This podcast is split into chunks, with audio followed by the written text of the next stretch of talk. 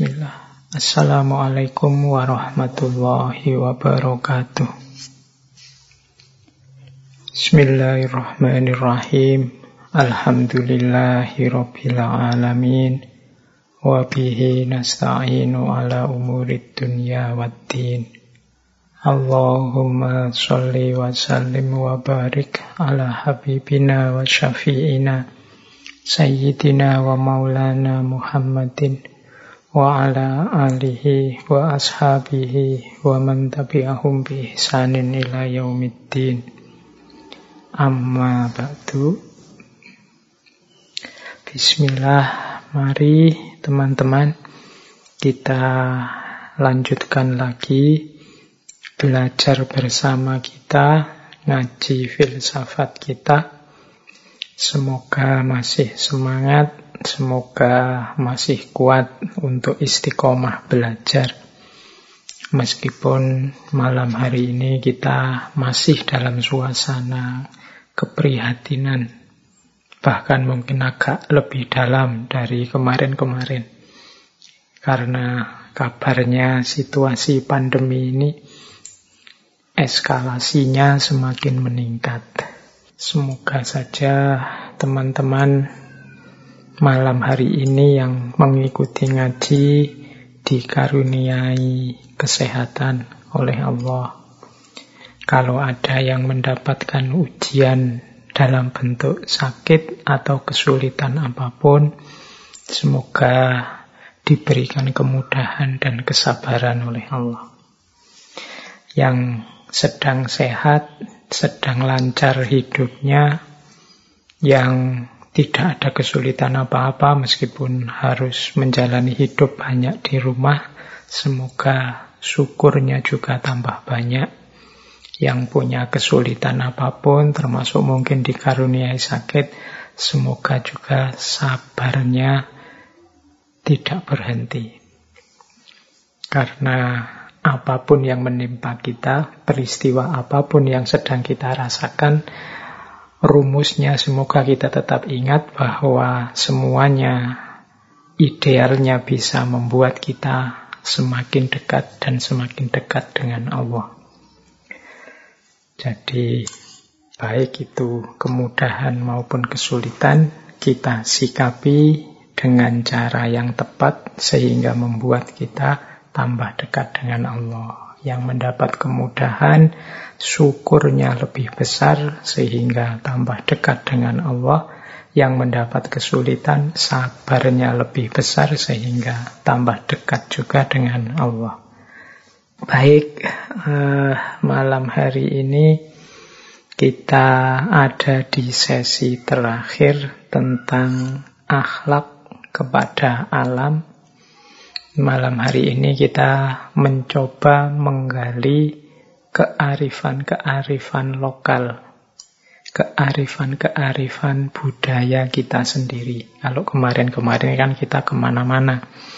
Ada dari tradisi barat, dari tradisi Islam, Sayyid Hussein Nasr, dari tradisi Sufisme, dari tradisi ekoliterasi gaya Fritjof Capra dan lain-lain. Bulan ini kita dapat banyak sekali wawasan tentang bagaimana bersikap yang tepat terhadap lingkungan sekeliling kita. Nah, malam hari ini kita puncai dengan menggali kearifan kita sendiri, kearifan budaya kita sendiri, wabil khusus budaya Jawa. Ini nyuwun sewu, mohon maaf kalau ada yang sering tanya Pak Faiz itu yang diangkat kok Jawa terus. Ya memang karena basis saya, ya saya aslinya orang Jawa. Jadi mengkaji budaya Jawa itu seperti menggali diri sendiri. Jadi di antara jalan untuk memahami diri itu kan memahami budaya dan lingkungan di mana tempat kita tinggal. Ketika Allah menetapkan kita lahir di mana, di tempat yang mana, itu kan selalu ada rahasia-rahasia di situ. Maka di antara upaya kita untuk mengenali diri itu ya kita kenali mengapa sih aku kok harus lahir di Jawa, ada rahasia apa.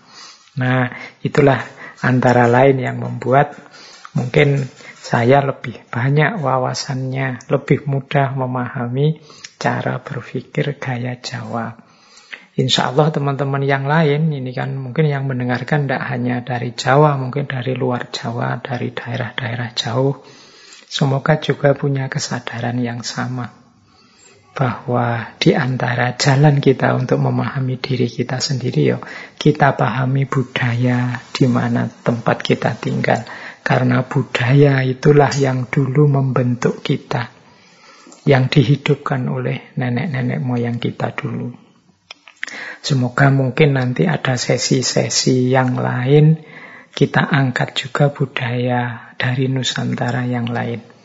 Tapi untuk malam hari ini kita masih ada di tradisi dan budaya Jawa yang juga punya filosofi-filosofi, punya nilai-nilai yang sangat berkait dengan akhlak yang tepat dan terpuji di hadapan alam semesta. Malam hari ini kita akan mengangkat salah satu filosofi hidup masyarakat Jawa yang mungkin teman-teman sangat sering mendengarnya yaitu memayu hayuning bawono. Ini kalau diartikan letterlek itu memayu hayuning bawono itu ya maksudnya mempercantik cantiknya alam semesta, memperindah indahnya alam semesta. Baik, kita mulai. Monggo teman-teman siap disiapkan ubur rampenya apa saja yang diperlukan. Kalau yang butuh minum, cemilan silahkan yang mau sambil selonjoran, sambil tiduran butuh bantal kasur ya mulai ditata. Kita rilekskan diri, tidak harus terlalu tegang, dinikmati saja Nanti apa pun yang nyampe lahir dalam pemahaman kita itulah rezeki dari Allah. Pemahaman, ilmu, wawasan-wawasan baru yang muncul di kepala kita itu hakikatnya anugerah dan rezeki dari Allah. Maka bismillah, mari kita mulai ngaji malam hari ini tentang memayu hayuning bawono. Bagaimana kearifan Jawa menyikapi alam. Siapa tahu nanti dari filosofi-filosofi ini kita menemukan kunci-kunci. Kita menemukan beberapa jawaban dari problem-problem peradaban yang selama ini kita hadapi. Karena kita itu sering kali mencari jawaban itu keluar. Mengejar keluar diri ke mana-mana kita lupa, jangan-jangan kuncinya justru ada dalam diri kita sendiri. Banyak masalah yang membingungkan kita, kemudian kita cari jawabannya ke mana-mana, ternyata kuncinya ada dalam diri kita sendiri. Ini tentang yang seperti ini sudah sering kita paparkan di ngaji kita. Baik, kita mulai. Bismillah. Mengapa Malam hari ini saya mengangkat khazanah Jawa karena ada beberapa hal dalam cara pandang masyarakat Jawa terhadap alam yang menurut saya menarik. Tidak kalah apa menariknya dengan kemarin gagasan-gagasannya Fritjof Capra atau gagasan-gagasan Aldo Leopold atau sangat dekat juga dengan gagasan-gagasannya Sayyid Hussein Nasr. Baik, bismillah kita awali ya. Saya akan awali dengan world view-nya masyarakat Jawa. Ini world view itu berarti pandangan dunia bagaimana cara orang Jawa melihat dunia ini, bahkan bagaimana cara dia hidup dengan pandangan dunia itu. Ini namanya wood view. Dalam catatan saya, ini saya mengambil beberapa referensi, baik kajian-kajian tokoh-tokoh dari Indonesia sendiri maupun dari luar yang meneliti budaya Jawa dalam catatan saya setidaknya ada tujuh gaya hidup orang Jawa. Yang ini bisa dikatakan world view-nya. World view itu cara orang Jawa melihat dunia. Ciri yang pertama orang Jawa itu orientasinya pasti ketuhanan. Jadi ketuhanan itu berarti dalam sejarahnya masyarakat Jawa itu hakikatnya selalu punya Tuhan. Ya, kalau bahasa agama selalu beriman, selalu punya kepercayaan kepada apa yang dianggap diposisikan sebagai Tuhan. Bahkan sejak sebelum masuknya agama-agama yang kita kenal hari ini, masyarakat Jawa itu sudah punya keyakinan adanya sesuatu yang maha besar, maha luar biasa yang hari ini kita sebut Tuhan. Jadi world view masyarakat Jawa yang pertama itu world view ketuhanan. Makanya kita punya Pancasila yang sila pertama itu ketuhanan yang dalam sejarahnya selalu kita diceritai bahwa Pancasila itu digali dari budaya bangsa kita sendiri ya tidak salah karena memang misalnya masyarakat Jawa ini basis hidupnya sejak awal ya ketuhanan ini. Jadi kalau mengikuti basis worldview kita, ya orang Jawa itu ya rasanya tidak pantas, tidak sesuai kalau dia misalnya punya gaya ateis, apa punya gaya agnostik, anti Tuhan. Itu rasanya tidak nyambung dengan identitas genuinnya yang dulu dikembangkan oleh nenek moyang bangsa Jawa. Yang selalu saja percaya pada Tuhan dan berketuhanan. Ini ciri yang pertama. Ini boleh dibaca dalam sejarah-sejarah atau kalau teman-teman mau ya di babat-babat itu selalu narasinya manusia yang utama itu manusia yang beriman, percaya dan menomorsatukan Tuhan dalam hidupnya. What view yang kedua, ini saya pakai istilah takdir. Biasanya di serat-serat, di babat-babat itu pakai istilah rilo dan rimo. Jadi orang Jawa itu menyikapi apa pun yang terjadi, fenomena apa pun yang oleh Allah ditakdirkan muncul untuk diterima dan direlakan. Jadi ini pandangan Ya kalau dalam bahasa agama jadinya pandangan tentang takdir, tentang kenyataan hidup. Banyak kalau teman-teman menggali serat, menggali babat-babat, menggali naskah-naskah kuno itu banyak sekali anjuran untuk rela dan nerimo. Jadi rela dan menerima apa pun keputusan Tuhan terhadap hidup ini. Ini mungkin perlu dilanjutkan. Rela dan nerima ini bukan berarti pasrah diam saja. Rela dan nerima ini mungkin lebih pasnya diartikan sebagai pengakuan terhadap kenyataan yang memang sudah terjadi. Banyak orang yang menyangkal, denial. Jadi Denial itu misalnya sudah jelas dia sakit, tidak mau ngaku dia sakit. Akhirnya karena tidak ngaku sakit, tidak mau berobat. Yo akhirnya sakitnya tambah parah. Ini namanya denial, orang yang menyangkal kenyataan. Sudah jelas salah, tidak mau ngaku salah. Nah, itu biasanya terus ya tidak mungkin ada perbaikan, wong dia tidak mau ngaku salah. Jadi kalau lemah ya ngaku saja lemah, tapi kan bukan berarti terus pasrah saja. Ketika sudah menerima kenyataan diri, wah saya ini lemah, berusaha untuk jadi kuat. Wah saya kok salah ya. Diakui bahwa saya ini memang salah, tapi kemudian berusaha untuk memperbaiki diri. Jadi menerima situasi, rela dengan situasi bukan berarti pasrah, tidak mau berjuang lagi. Ini dua hal yang berbeda. Jadi aspek world view yang kedua ini adalah idealisme orang Jawa untuk selalu nerimo dan rilo. Kita terima dulu, kita akui dulu kenyataan hidup kita. Baru setelah itu kita idealkan, kita rumuskan targetnya mau ke mana. Nah, itu ciri yang kedua.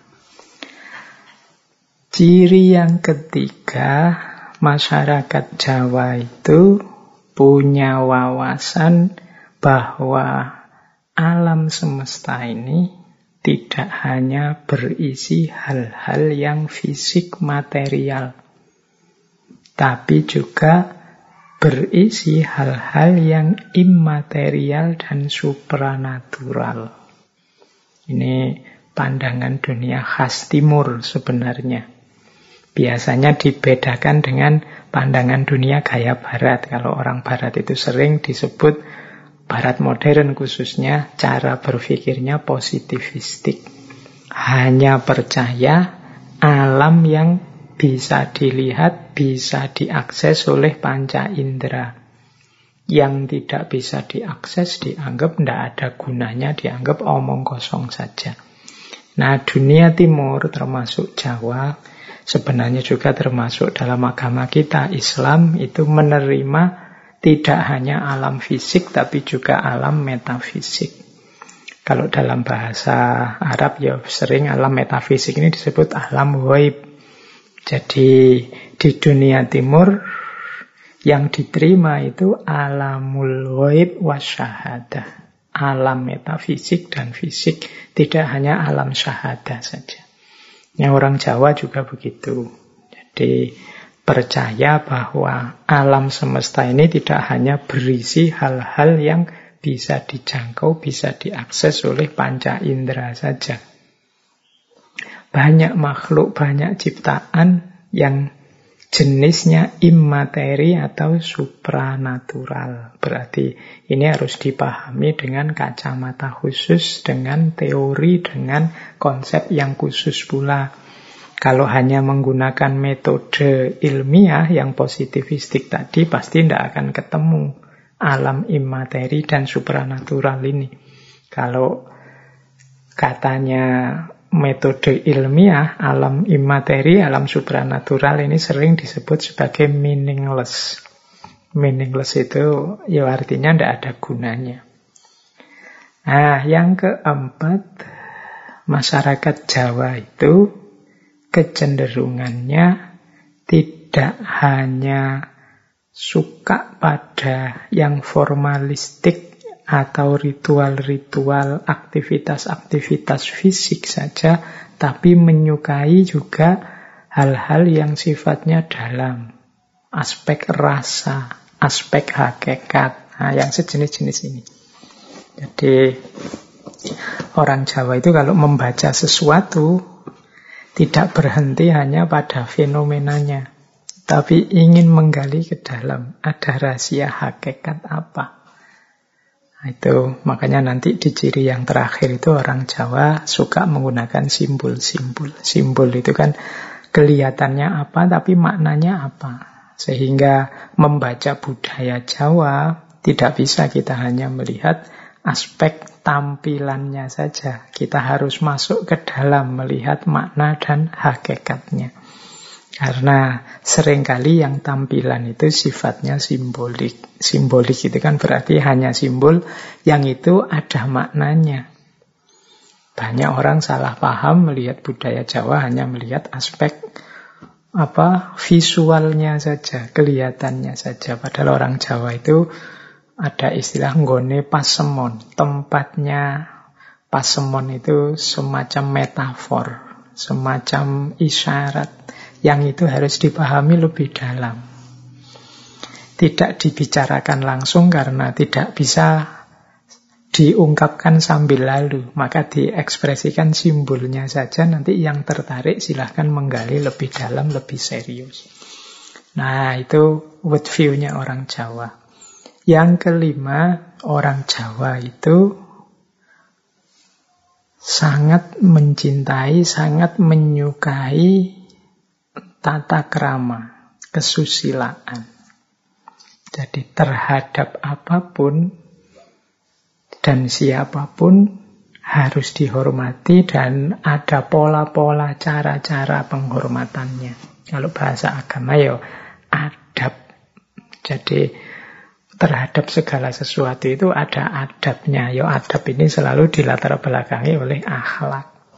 Makanya tema kita bulan ini gitu kan saya menyebutnya akhlak, akhlak terhadap alam. Jadi perilaku kita di hadapan alam. Nah ini orang Jawa biasanya manifestasinya ya perilaku-perilaku yang menggambarkan kesusilaan, toto kromo, subo, sito, dan yang sejenis itu.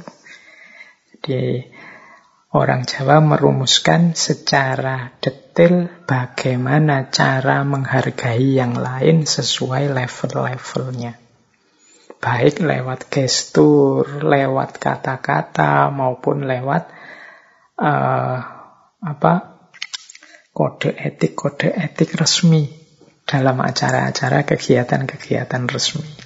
Nah, itu di antara cirinya.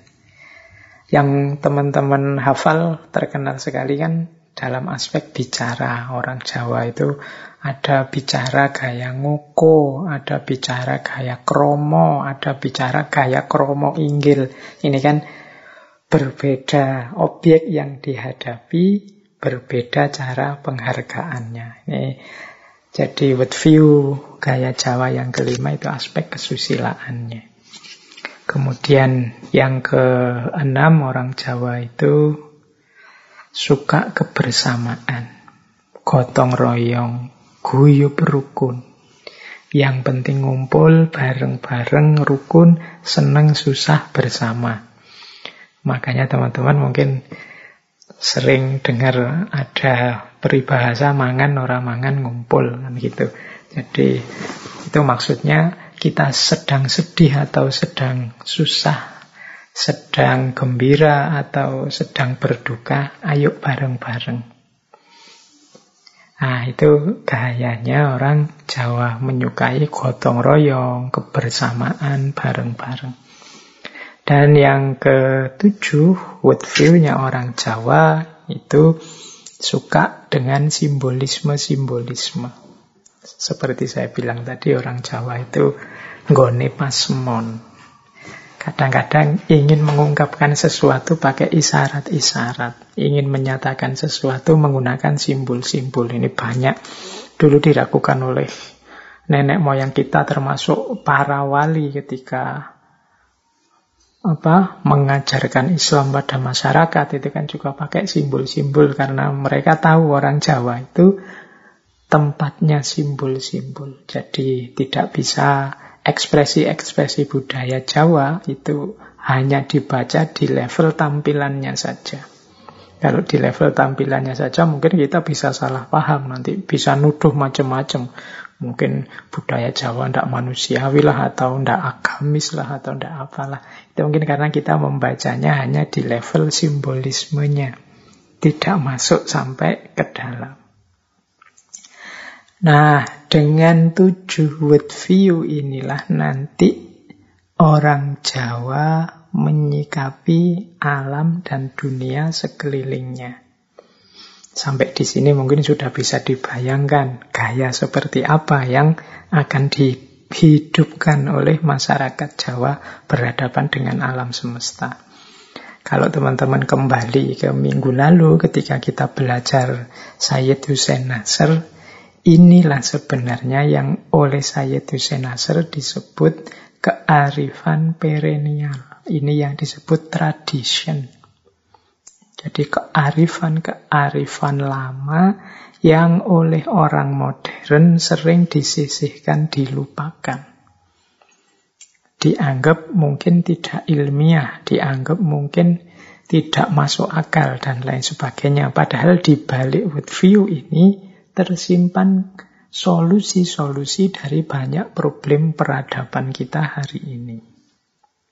Baik, kita lanjutkan. Nah, dari situlah nanti muncul antara lain konsep mamayu hayuning bawono. Seperti saya bilang tadi di awal ya, memayu hayuning bawono itu memayu artinya mempercantik. Hayuning hayu itu ya hayu artinya cantik. Memayu dan hayu itu dari akar kata yang sama. Mempercantik cantiknya bawono. Bawono itu artinya alam.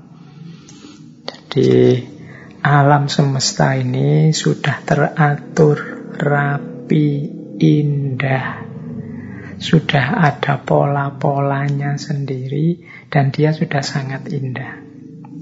Memayu hayuning bawono berarti keindahan alam tadi pertahankanlah, ya kalau bisa tingkatkanlah. Kehadiran kita sebagai manusia semoga bisa menambah indahnya alam. Jadi keberadaan kita di alam semesta ini, kehadiran kita di tengah-tengahnya, semoga nambah cantiknya alam. Jangan sampai sebaliknya, alam yang sudah indah, sudah rapi, sudah tertata itu, begitu kita hadir di dalamnya malah jadi kacau.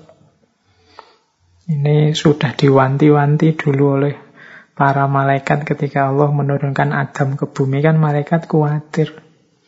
Ataj'alu fiha mayyufsidu fiha wa dima.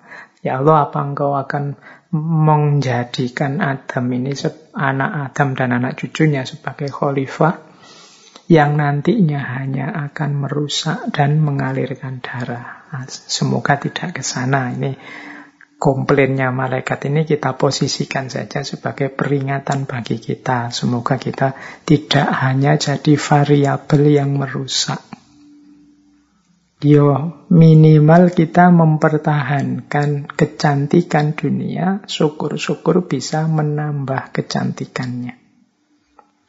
Nah, nanti memayu ini sifatnya ada unsur pasifnya, ada unsur aktifnya. Yang unsur pasifnya itu berarti yang pertama jangan mengubah tatanan pakem atau kalau dalam agama ya sunnatullahnya. Jadi porsi dan proporsi alam dan mekanismenya itu sudah pas, sudah cocok. Diciptakan Allah justru untuk kesejahteraan kita manusia. Tolong kalau bisa dipertahankan, jangan diubah.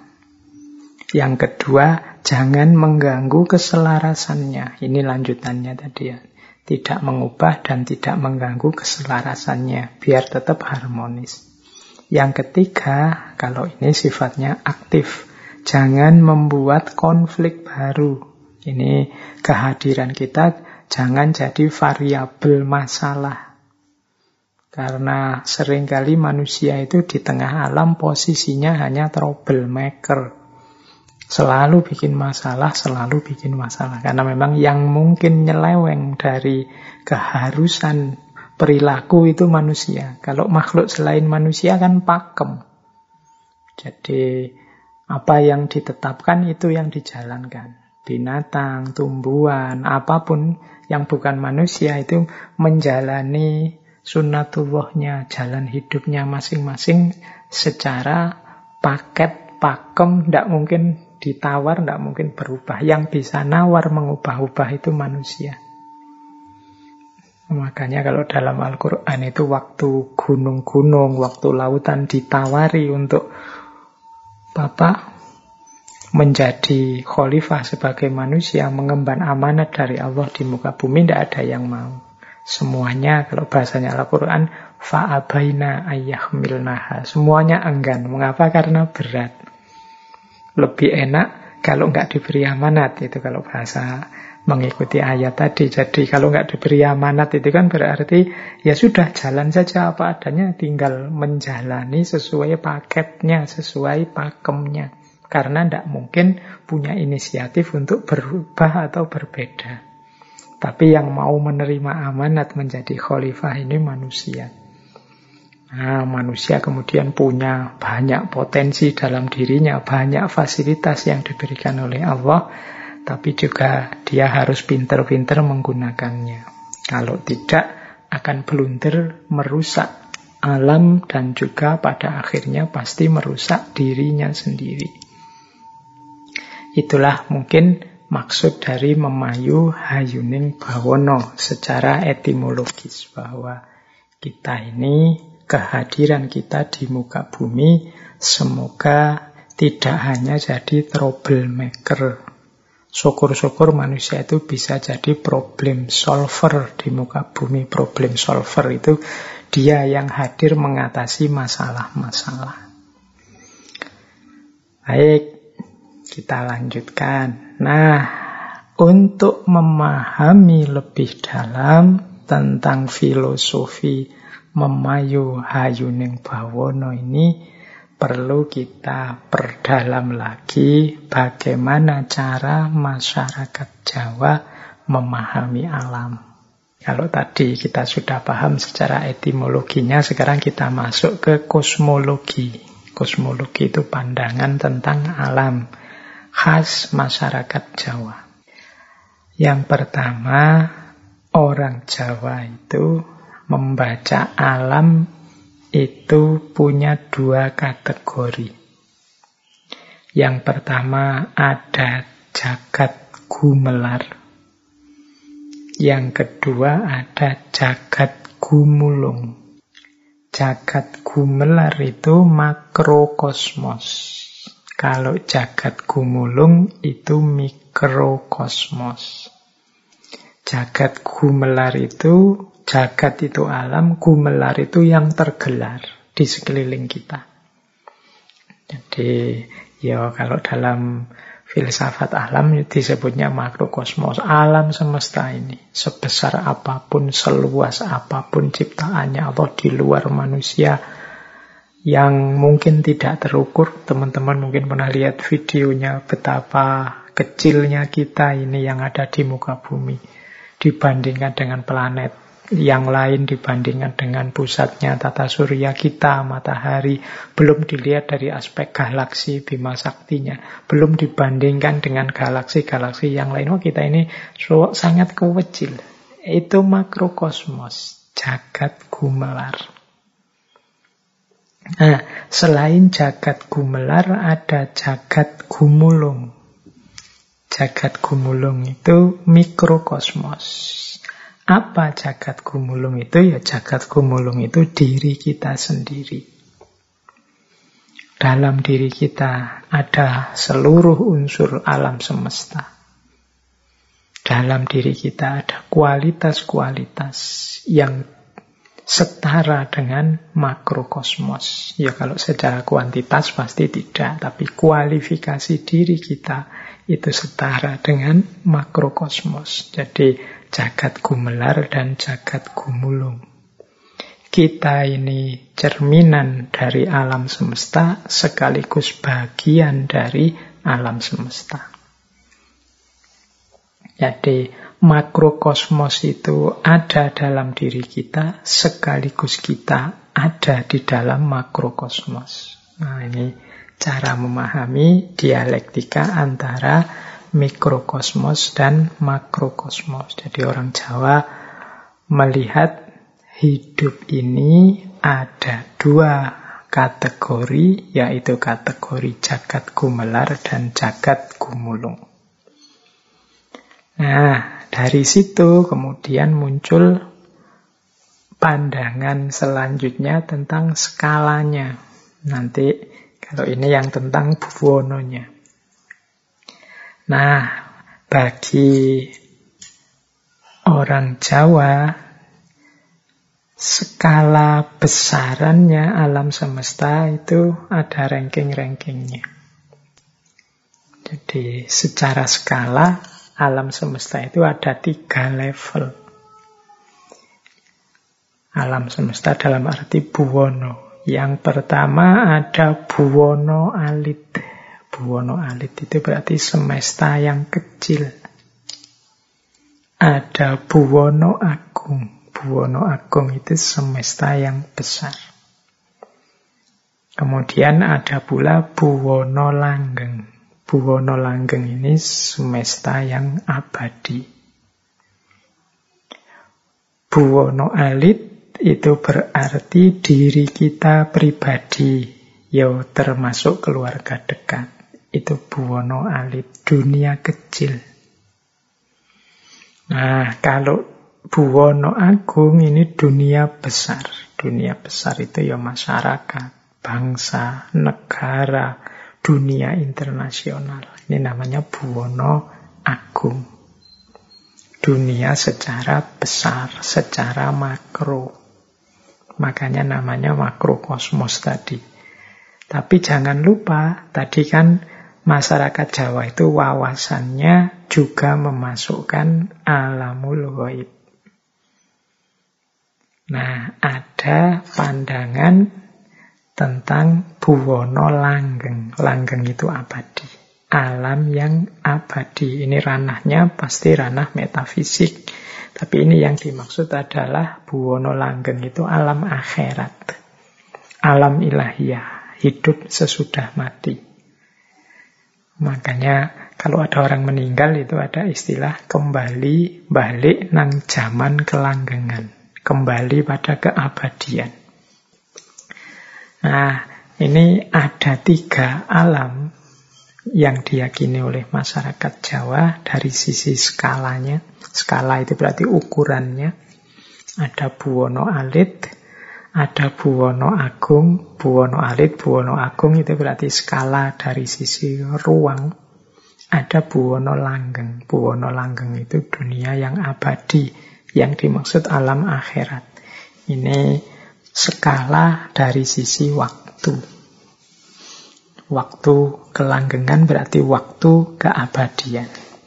Jadi alam semesta itu ada jagat gumelar, jagat gumulung, ada buwono alit, buwono agung, dan buwono langgeng. Nah, Baik, itu kosmologinya. Ini kalau diperdalam sebenarnya menarik bagaimana kita menjelajahi alam. Sebagaimana dulu eh, kemarin, minggu lalu di tasawufnya Sayyidus Senasr itu juga ada alam macam-macam. Alam malakut, alam alam jabarut, alam lahut, alam nasut, dan lain sebagainya. Jadi dunia timur punya wawasan yang lebih beragam variatif tentang alam agak berbeda dengan barat modern seperti yang dikritik oleh Sedusen Nasr kemarin yang diterima hanya alam fisik saja. Baik, sekarang kita masuk ke ekologinya. Pandangannya masyarakat Jawa terhadap alam. Ini di catatan saya ada beberapa pandangan. Ini yang nanti menjadi dasar perilaku ekologisnya masyarakat Jawa.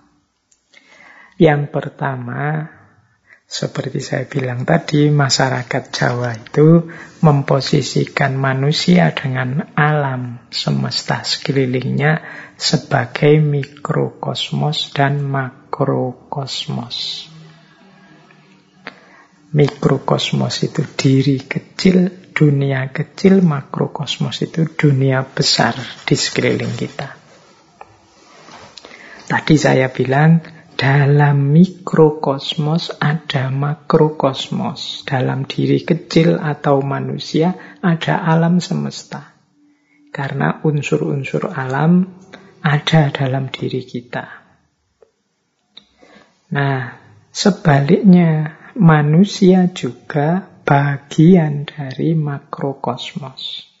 Manusia bagian dari makrokosmos itu berarti kita harus sadar posisi kita sebagai bagian dari alam semesta. Ini lagi-lagi untuk mudahnya kita bandingkan dengan barat modern yang lebih suka memposisikan manusia itu di atas alam. Yang punya power lebih menjadi penguasa yang punya hak untuk melakukan apa pun kepada alam. Nah, itu berarti melupakan aspek bahwa kita ini yo bagian dari mikrokosmos. Nah, dari situ nanti muncul pula pandangan Kalau direnungi secara mendalam, mikrokosmos itu membutuhkan makrokosmos. Dan sebaliknya, berarti kalau sebaliknya makrokosmos juga memerlukan mikrokosmos. Ini ini sebenarnya memikirnya tidak harus rumit. Mikrokosmos membutuhkan makrokosmos itu manusia membutuhkan alam semesta. Ya, karena manusia dalam hidupnya itu butuh hal-hal sebagai penopang hidupnya yang berasal dari alam semesta. Makanan kita, minuman kita, dan banyak hal lain kebutuhan hidup kita, sandang, pangan, papan, itu diperoleh dari lingkungan sekeliling kita. Silahkan teman-teman mencari, merenung sendiri kebutuhan hidup kita ini apa sih. Nanti pada akhirnya ketemu ternyata semuanya disediakan oleh alam di sekeliling kita. Jadi rasanya kok tidak pantas kita itu zolim, kita itu merusak pada alam sekeliling yang ini sudah berbaik hati, memberikan segala yang kita butuhkan. Jadi mikrokosmos membutuhkan makrokosmos. Makrokosmos juga sampai level tertentu memerlukan mikrokosmos. Ya, bagaimanapun kalau dalam kehidupan di dunia, apalagi dalam Israel, kita kan punya pandangan manusia itu khalifatullah. Khalifah itu berarti yang punya amanat untuk menata, menertibkan, siapa tahu ada penyimpangan-penyimpangan, pengerusakan dan kerusakan alam, entah sengaja, entah tidak sengaja terjadi, itu butuh turun tangannya manusia. Jadi alam sekeliling kita itu butuh dipimpin oleh manusia. Ini pandangan makrokosmos membutuhkan mikrokosmos, memerlukan dalam banyak aspek intervensi manusia sebagai yang punya kesadaran, yang punya akal budi. Jadi pada akhirnya ya saling membutuhkan. Karena saling membutuhkan, yo manusia tidak boleh zolim. Harus saling menghormati, saling mendukung. Apalagi dua-duanya punya kesamaan. Kesamaannya apa? Makrokosmos dan mikrokosmos semuanya bersumber menuju di dalam dan diliputi oleh Tuhan. Kita dan alam ini sumbernya dari Tuhan, nanti semuanya kembali kepada Tuhan, sekarang semuanya berada dalam naungan Tuhan dan diliputi oleh ketuhanan. Wallahu bikulli syai'im muhid. Jadi inilah pandangannya masyarakat Jawa terhadap alam. Jadi alam itu sebagai makrokosmos sangat kita butuhkan, sebagaimana alam juga membutuhkan kehadiran kita. Kita dan alam ini sama-sama saling membutuhkan. Inilah nanti yang jadi dasar penghormatan, penghargaan kepada alam semesta. Ini pandangan masyarakat Jawa yang pertama terhadap alam. Yang kedua, kalau itu mungkin sudah maklum ya bagaimana hubungan antara mikrokosmos dan makrokosmos. Yang kedua, ini coba kita lihat. Kalau ini agak religius, ini persis seperti yang ditawarkan oleh saya Hussein Nasr dalam ekosofi minggu lalu, itu sebenarnya sudah dilakukan oleh masyarakat Jawa.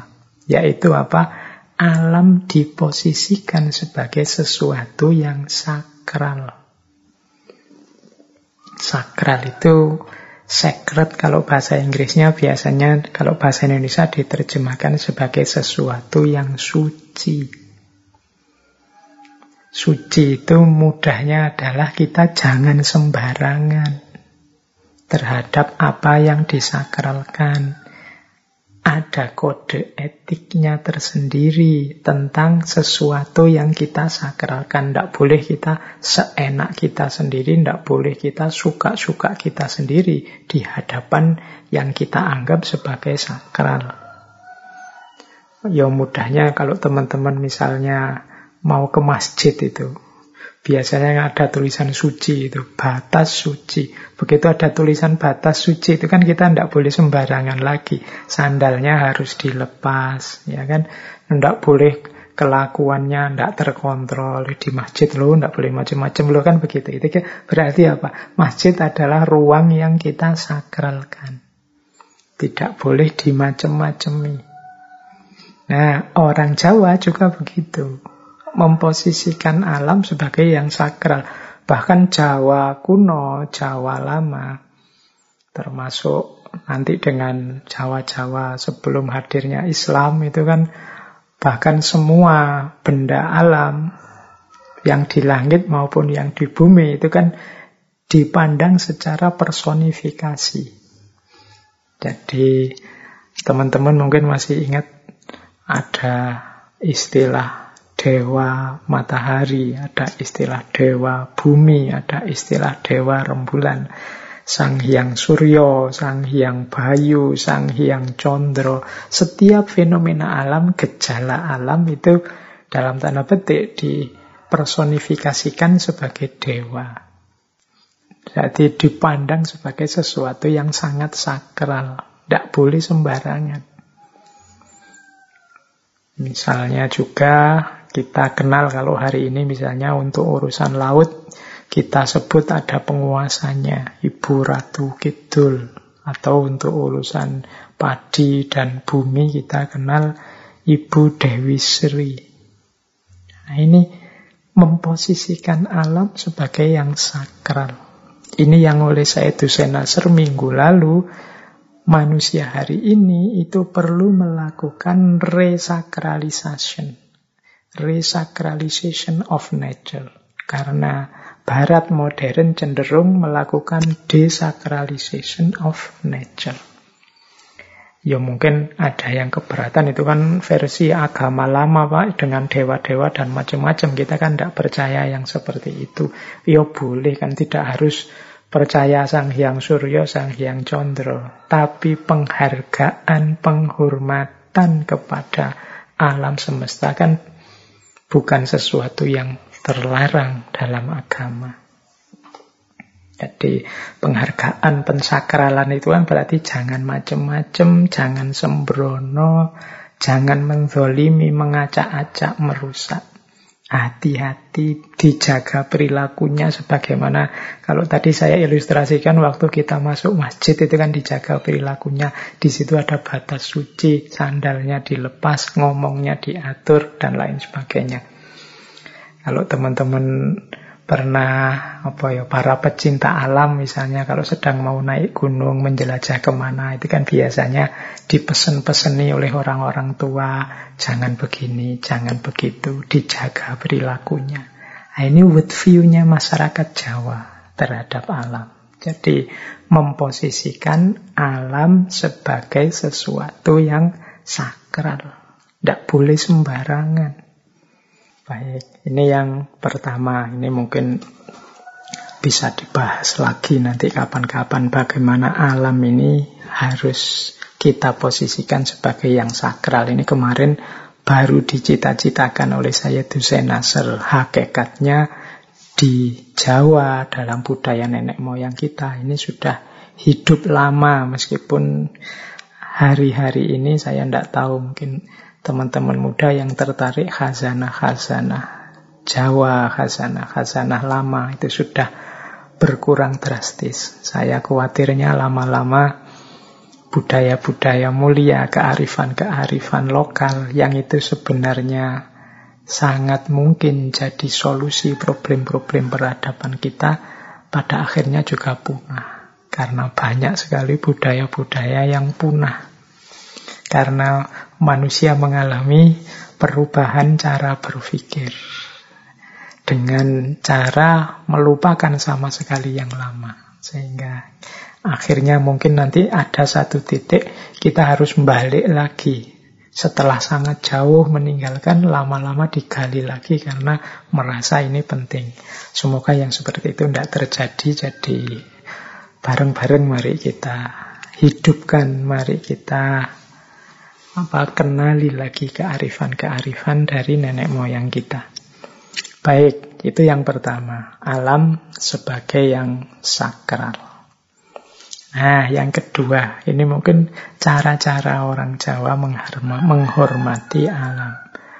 Ada pandangan di kalangan masyarakat Jawa, alam itu lingkungan sekeliling kita, semesta sekeliling kita itu hakikatnya ya kita, keluarga. Jadi seperti kemarin ya Aldo Leopold dan kawan-kawan yang mendefinisikan ekosistem itu yang menjadikan kita menganggap keluarga tidak hanya manusianya, tapi juga alam semesta sekeliling kita, lingkungan sekeliling kita itu adalah keluarga kita. Nah ini di kalangan masyarakat Jawa itu praktek-praktek seperti ini itu sudah jalan lama. Mungkin teman-teman pernah dengar istilah Bopo Angkoso Ibu Pertiwi. Jadi langit adalah bapak dan bumi adalah ibu. Oh itu persis seperti ideal untuk menjadikan lingkungan kita ini sebagai keluarga. Kemarin di para filosof barat diimpi-impikan agar orang itu menganggap lingkungan ini seperti keluarga sendiri. Sejak dulu masyarakat Jawa ya sudah menganggap pertiwi atau bumi ini sebagai ibu langit ini sebagai angkasa. Ya berarti jangan dicemari, jangan dirusak, jangan dijajah, dirajah, diperkosa. Karena dia ibu kita sendiri, bapak kita sendiri. Mungkin juga teman-teman pernah dengar istilah kakang kawah adi ari-ari. Itu kan sehubungan dengan kelahiran kita, ikut juga lahir kakang kawah adi ari-ari. Itu meskipun masa yang seperti itu kakak, yang seperti itu adik. Tapi ada filosofinya. Kapan-kapan kita bahas itu ya. Karena kita waktunya agak terbatas untuk membahas filosofi-filosofi ini. Tapi setidaknya bayangkan yang seperti itu disebut bapak, disebut ibu, disebut kakak, disebut adik. Itu berarti di Jawa sudah muncul tradisi menganggap keluarga bagi lingkungan yang ada di sekelilingnya. Belum lagi teman-teman kalau membaca sejarah itu kan bagaimana orang-orang dulu itu binatang, tumbuhan, dan macam-macam itu dipakai jadi nama. Teman-teman mesti, mesti pernah dengar namanya Gajah Mada, Kebo Ijo, Kebo Kenongo, Kebo Kanigoro, Maeso. Eh, siapa yang sering baca Maeso Jenar? Karyanya S.H. Mintarja. Nogo Sosro Sabo Intermaiso itu kan kerbau.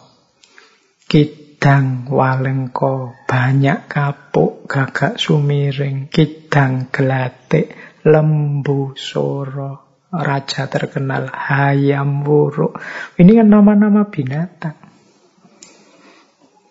Kita hari ini mungkin rasanya apa ndak malu Pak? Enggak, itu salah satu manifestasi bahwa alam, lingkungan, binatang, tumbuhan di sekeliling kita itu keluarga kita sendiri.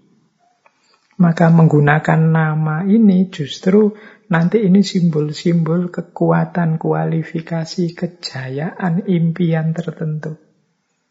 Karena di balik nama itu kan selalu ada cita-cita.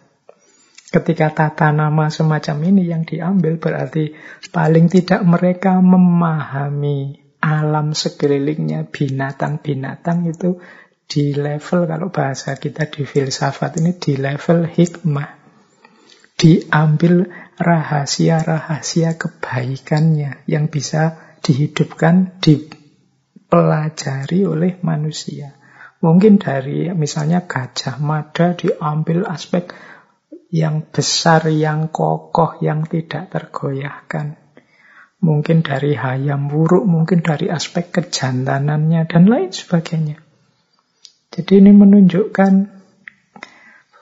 kesadaran bahwa ada banyak yang bisa dipelajari, ada banyak yang bisa diambil hikmah dari alam sekeliling kita.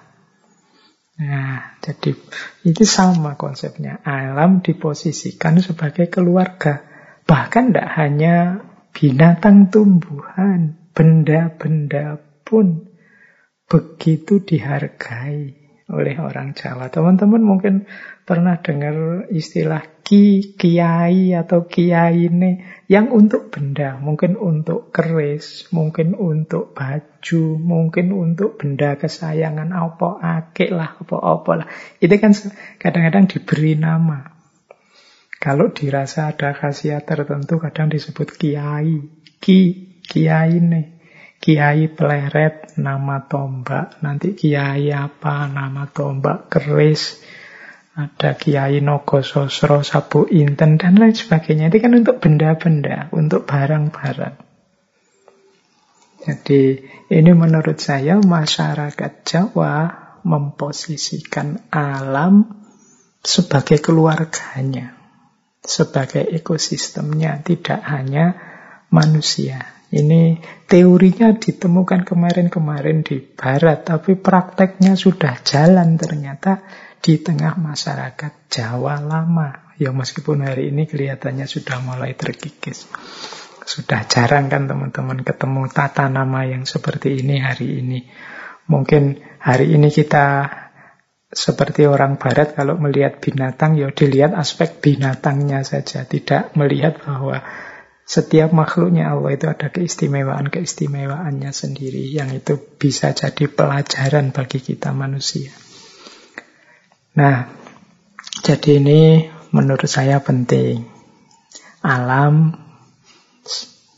adalah keluarga kita. Sudah dipraktekkan oleh masyarakat Jawa sejak dulu. Bagian dari memayu hayuning bawono.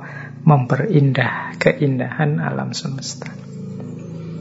Nah, kemudian yang terakhir dari sisi pandangan masyarakat Jawa terhadap alam, ya pastinya ada kesadaran kekhalifahan. Kesadaran kekhalifahan itu ya manusia tetap sadar bahwa dia mendapat banyak sekali anugerah, banyak sekali fasilitas dari Tuhan pada dirinya, khususnya adalah aspek akal budi, sehingga tetap dia pun merasa ada tanggung jawab juga terhadap alam. Kita mengambil banyak dari alam, tapi juga jangan lupa tanggung jawab-tanggung jawab kita pada alam semesta.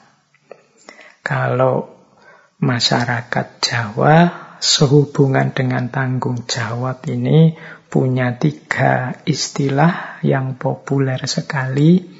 Yang pertama momong, yang kedua momor, dan yang ketiga momot. Nah ini tiga istilah sehubungan dengan tanggung jawab terhadap alam. Kalau kita tarik ke sana, maka momong itu berarti menjaga. Ya kalau dengan manusia kadang-kadang diartikan mengasuh. Ya kita yang punya akal budi, yang punya kesadaran, yang bisa menjaga kelestariannya. Jangan sampai dia rusak, jangan sampai dia punah. Sebagai manusia yang lebih berbudi dan berakal dibandingkan semua makhluk yang lain, manusia punya kewajiban untuk ngomong, menjaga dan mengasuh. Yang kedua, ada kewajiban momor. Momor itu mendekat, membaur, tidak menjauh. Jadi kita senantiasa bergumul dekat dengan alam. Ya kalau kita kan punya peribahasa tak kenal maka tak sayang. Kalau kita menjauh terus dari alam ya kita tidak akan punya kedekatan. Kalau tidak punya kedekatan, sulit untuk membangun kepedulian. Maka dekatkanlah diri terus dengan alam, kalau konteksnya alam, sehingga muncul rasa sayang dan muncul kepedulian. Biar peribahasa tak kenal maka tak sayang itu tidak muncul. Jadi ini namanya momor. Peradaban kita hari ini sering isinya banyak menjauhkan kita dari alam. Kita lebih banyak membangun dunia yang coraknya buatan artifisial. Mungkin hidup kita, apalagi yang sudah kerja kayak saya ini, lebih banyak ketemu tembok, ketemu gedung, ketemu layar, dibandingkan ketemu air sungai, ketemu pepohonan, ketemu rerumputan. Apalagi hari ini situasinya menyuruh kita banyak di rumah. Yo, mungkin ini salah satu buah juga dari perilaku kita selama ini. Maka yang kedua, momor dalam istilahnya masyarakat Jawa. Yuk dekat dengan alam.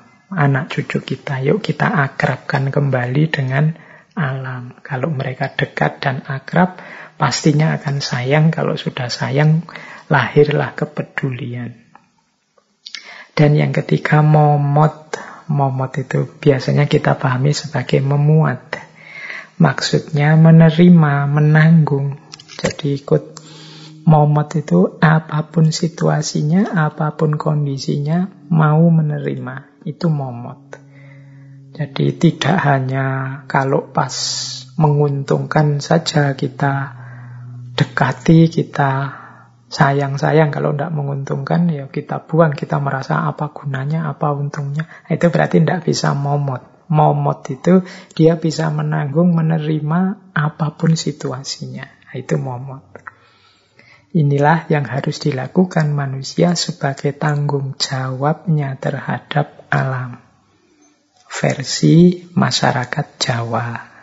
Jadi kalau tadi kita runut dari awal pandangan masyarakat Jawa terhadap alam itu, yang pertama masyarakat Jawa melihat ada hubungan saling membutuhkan dialektis antara manusia dan alam, mikrokosmos dan makrokosmos. Yang kedua, masyarakat Jawa memandang alam sebagai sesuatu yang sakral dalam arti tidak harus kemudian dalam bentuk disembah-sembah, tapi dalam arti kita harus menghormati, menghargai, tidak sembarangan, tidak sesuka-suka hati kita. Kemudian memposisikan alam sebagai keluarga, dan yang keempat, menjadikan alam sebagai bagian dari tanggung jawabnya sebagai manusia dengan ngomong momor dan momot.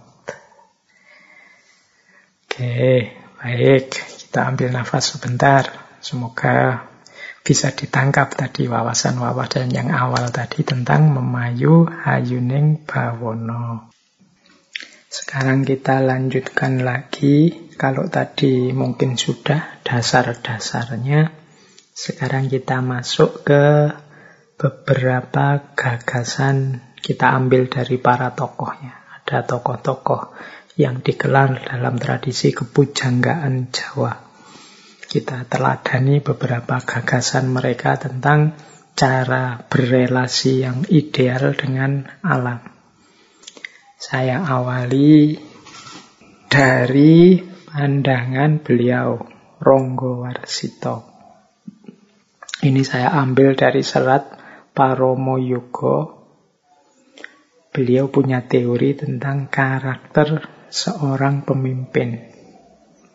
Nah, kalau ini kita ambil dalam konteks kepemimpinan manusia di hadapan alam.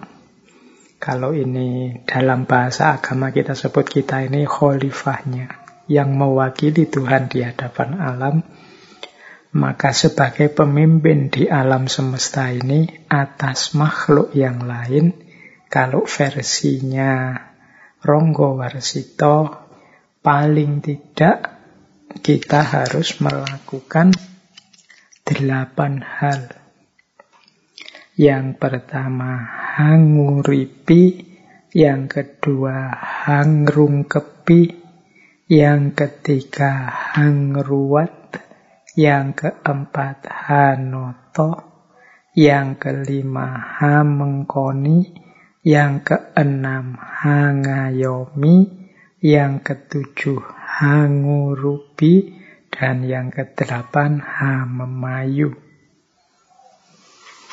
Nah, manusia sebagai khalifahnya versi Ronggo Warsito ini berarti harus punya delapan karakter ini. Berarti kita di hadapan alam harus melakukan delapan ini. Yang pertama apa? Hanguripi. Hanguripi itu menghidupkan atau menjaga kehidupannya. Dalam konteks alam berarti menjaga kelestariannya. Ini tugas kita sebagai khalifahnya di hadapan alam. Yang kedua, hangrung kepi. Hangrung kepi itu rela berkorban.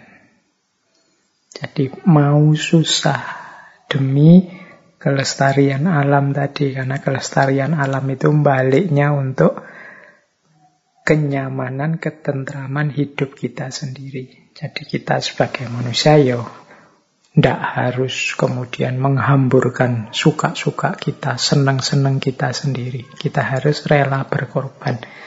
Ya memang hari ini kita punya sih misalnya banyak sumber air. Wong saya mandi juga gratis, sanyo saya bayar sendiri misalnya. Air juga air dari rumahku sendiri, rumahnya aku beli sendiri.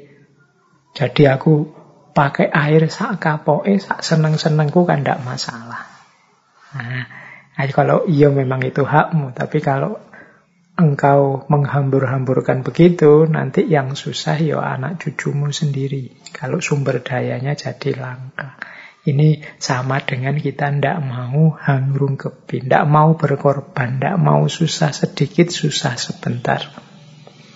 Jadi terhadap alam pokoknya kita sakpol pole pingin seneng-seneng terus. Nah, berarti tidak mau hangrung kepi. Yang ketiga hangruat. Hangruat ya sama seperti meruat. Menyelesaikan masalah. Mungkin ada problem-problem, trouble-trouble dalam ekosistem kita. Yo kita manusia yang akal budinya lengkap yang bisa mencarikan jalan keluar. Kalau kita punya peliharaan binatang, dia sakit, itu kan yang bisa mereko-reko kesembuhannya kira-kira dengan obat apa, itu kan ya kita manusia. Kalau ada aliran air yang buntu, mampet, sehingga membahayakan seluruh ekosistem, kan kita yang bisa mencari solusi bagaimana ada jalan keluar sehingga airnya lancar. Kalau kok udaranya begitu kotor karena ulah kita banyak polusi, gimana caranya udaranya bersih lagi. Itu namanya hangruat. Yang keempat, hanoto. Hanoto itu ngatur, menegakkan ideal, mengembalikan sesuai sunnatullahnya. Itu hanoto. Ya manusia yang bisa mengawasi.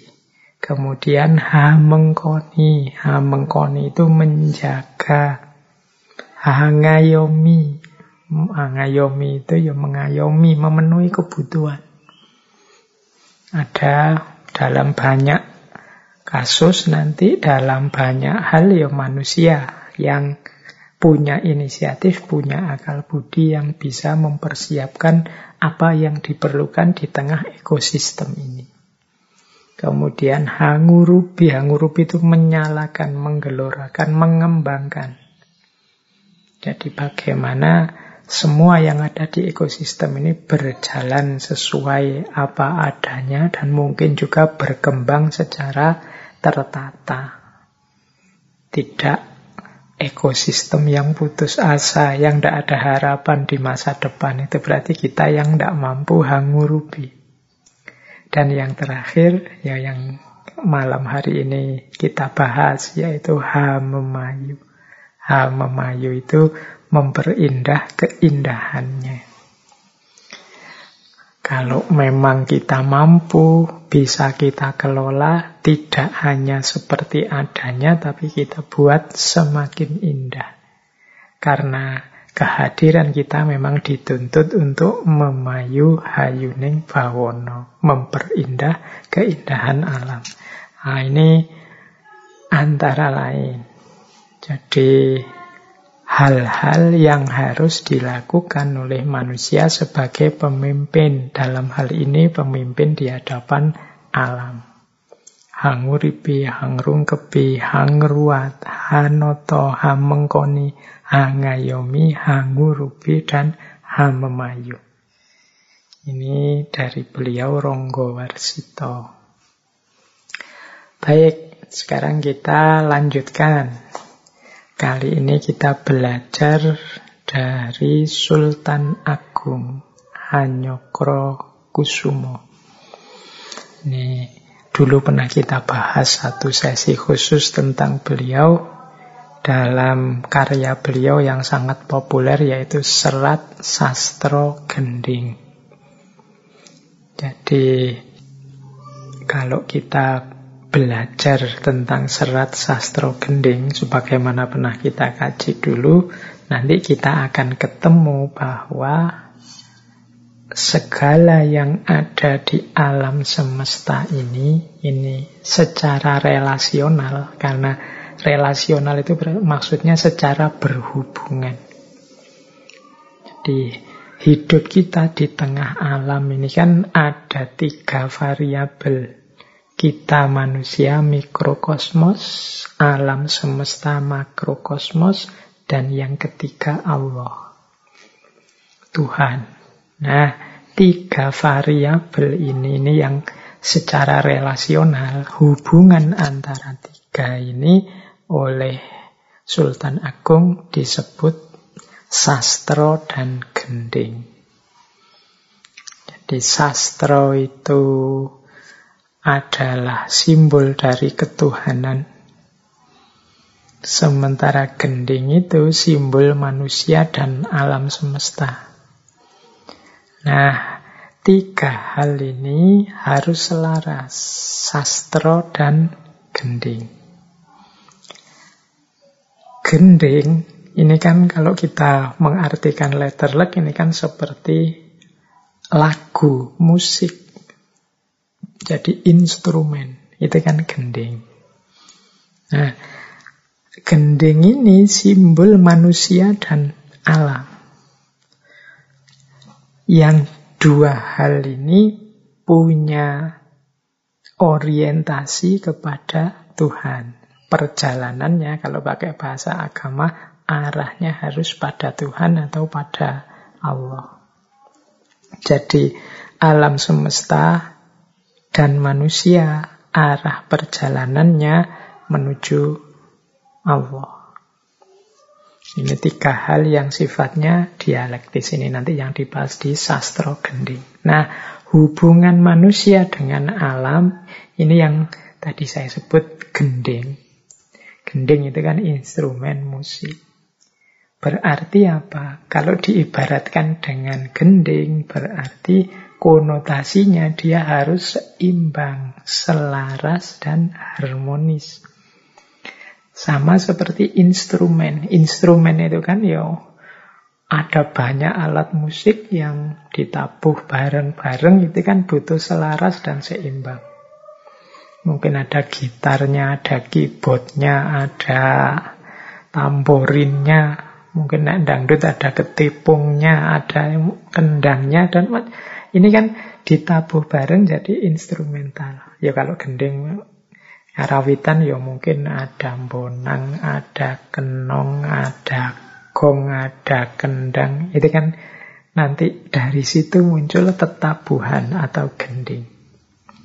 Nah, sastro dan gending ini kan variabel-variabel dalam hidup. Kalau gending sudah harmonis, insya Allah perjalanan kita menuju Allah juga lurus. Jadi selaras, gending yang selaras lah yang bisa berorientasi ilahiyah. Sastronya berarti benar. Nah, dalam teori sastro gending ini Berarti tugas kita sebagai manusia adalah menjalin hubungan yang ideal dengan alam. Hubungan yang ideal dengan alam membuat kita mudah mengarahkan orientasi kepada Tuhan. Kalau hubungan dengan alam rusak, alam semesta kehilangan ritme harmonisnya, ya yang terjadi kekacauan-kekacauan. Kekacauan-kekacauan dalam hidup ini membuat kita semakin jauh dari orientasi ilahiyah. Ya bagaimana kita bisa berjalan mendekat kepada Tuhan kalau kehidupan kita di dunia ini kacau balau. Jadi kita tegak berdiri saja tidak bisa, wong sekeliling kita kacau, apalagi berjalan menuju Allah, menuju Tuhan. Maka itu nanti di sastro gending itu Sultan Agung ada satu bait yang menyatakan seperti ini. Pramilo gending yen bubrah gugur sembahe maring widi. Batal wisesaning salat tanpa gawe ulah gending.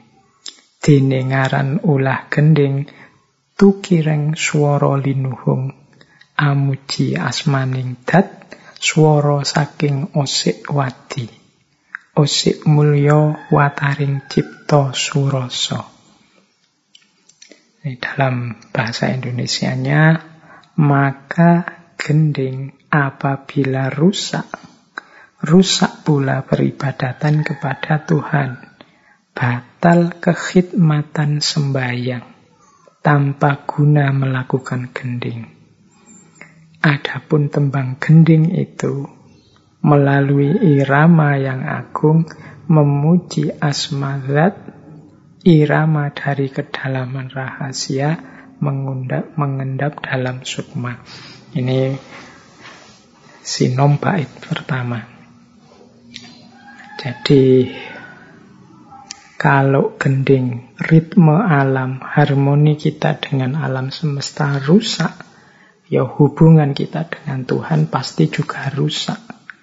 Kekhidmatan sembahyang juga terganggu, batal. Nah, ini sebenarnya teori yang disampaikan oleh Sultan Agung dalam serat Sastro Gendi. Jadi ini mengajarkan kita menjaga ritme relasi kita dalam hidup ini, menjaga irama lahir batin kita, menjaga irama relasi kita dengan alam semesta sekeliling kita.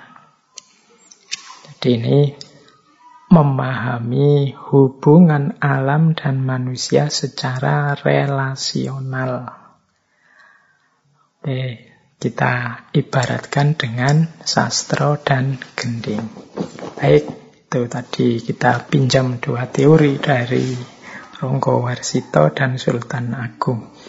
Kita lanjutkan ke aspek memayu hayuning bawono lagi. Nah, nanti ada tiga kunci dalam konsep memayu hayuning bawono ini. Ini ada beberapa peribahasa yang tiga-tiganya ini kunci dari memayu hayuning bawono. Yang pertama, rahayuning bawono kapurbo waskitaning menungso. Yang kedua, dharmaning menungso, mahanani rahayuning negara. Yang ketiga, rahayuning manungso dumadi krono kamangusane. Jadi yang pertama ini kesejahteraan semesta. Yang kedua, kesejahteraan negara dan yang ketiga, kesejahteraan manusia sebagai pribadi. Ini ada hubungannya nanti, ini satu level. Yang pertama, rahayuning bawono kapurbo waskitaning manungso. Kesejahteraan dunia tergantung kewaskitaan manusia. Jadi, Ini kan kita tugas kita mewujudkan hamamayu hayuning bawono. Hasilnya ya rahayu. Rahayunya alam semesta. Rahayunya alam semesta itu cirinya adalah bergantung pada waskitaning manungso, kewaskitaan manusianya. Waskito itu kalau teman-teman belajar khazanah ilmu Jawa, waskito itu orang yang wawasannya sangat luas, pengetahuannya sangat mendalam, baik tentang masa lalu, masa kini, maupun masa depan. Makanya kadang-kadang secara mudah orang yang waskito itu disebut orang yang bisa membaca masa depan saja. Sebenarnya bukan membaca masa depan, tapi karena wawasannya sangat luas, orang yang waskito ini beliau bisa niteni dari masa lalu untuk memahami masa kini dan meramalkan apa yang nanti terjadi di masa depan dengan melihat gejala-gejala yang ada di masa kini. Oleh karena itu orangnya terus disebut waskito. Jadi waskito itu orang yang kemampuan bacanya luar biasa sehingga dia bisa niteni. Tidak hanya untuk membaca fenomena hari ini, tapi juga untuk meramalkan apa yang akan terjadi di masa depan. Jadi waskito kui tegese babakan opo bae titi lan ati-ati marang samu barang kan wus kedaden utawa kang durung kedaden. Nah, alam semesta ini akan rahayu, berarti hamemayu hayuning bawono sukses ketika manusianya waskito. Berarti manusianya mau membaca, mau belajar, kemudian menghidupkan ilmunya, mewaspadai hati-hati terhadap perilakunya. Sehingga tidak merusak hidup di masa depan. Nah, jadi kuncinya itu berarti kunci memayu hayuning bawono itu ya rahayun yang rahayuning bawono kapurbo waskitaning menungso tergantung kewaskitaan kita. Maka jangan berhenti belajar, jangan berhenti membaca fenomena-fenomena alam. Karena dari situlah nanti kita bisa memedomaninya untuk hidup dan siap-siap untuk apa yang akan terjadi di masa depan dengan bekal pembacaan kita terhadap masa lalu. Baik, itu kunci yang pertama. Jadi kita butuh orang-orang yang waskito. Nah, Jalannya kemudian adalah darmoning menungso mahanani rahayuning negoro. Yang kedua ini sebenarnya menjelaskan untuk lahir memayu hayuning bawono ada tahapan-tahapannya antara lain yaitu lah rahayuning negoro kesejahteraan, keselamatan satu negara, satu wilayah. Karena ya tidak mungkin kan keindahan alam semesta tapi negara ini rusak. Nah, berarti perjuangannya harus diawali dari perjuangan memayu hayuning bawono di level sekup lingkungan kebangsaan kita sendiri, negara kita sendiri tergantung pada kewaskitaan manusia, yaitu manusia yang mau menetapi dharmanya sesuai tempat di mana dia tinggal. Dharmaning menungso, mahanani, rahayuning negoro. Tugas hidup manusia akan membuahkan keselamatan satu bangsa atau negara.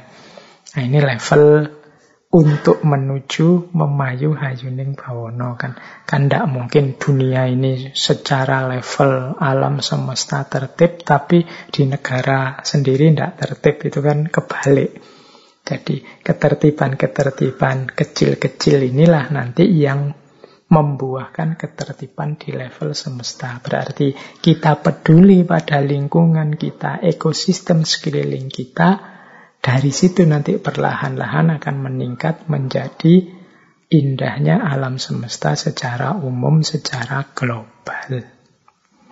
Jadi tidak ujuk-ujuk ke alam semesta secara besar. Nah, itu Dharmaning manungso mahanani rahayuning nagara. Berarti manusia yang harus menjalankan dharmanya sesuai tempat di mana dia tinggal. Berarti yo kita mempertah melihat ekosistem alam di sekeliling kita dan kita jalankan dharma kita di situ sebagai manusia. Terakhir kuncinya rahayuning manungso dumati krono kamang nusane. Nah, manusia itu sendiri yang waskito, yang menjalankan dharma, kesejahteraannya, kesuksesannya, kuncinya apa? Kemanusiaannya. Untuk bisa menjalankan tugas-tugas tadi, manusia yang menjalankan dharma, sehingga negara sejahtera, lingkungan sekelilingnya semakin indah, sehingga nanti pada akhirnya alam semesta juga indah. Karakter utama yang harus dia miliki adalah kamanungsane. Kamanungsane itu kemanusiaannya.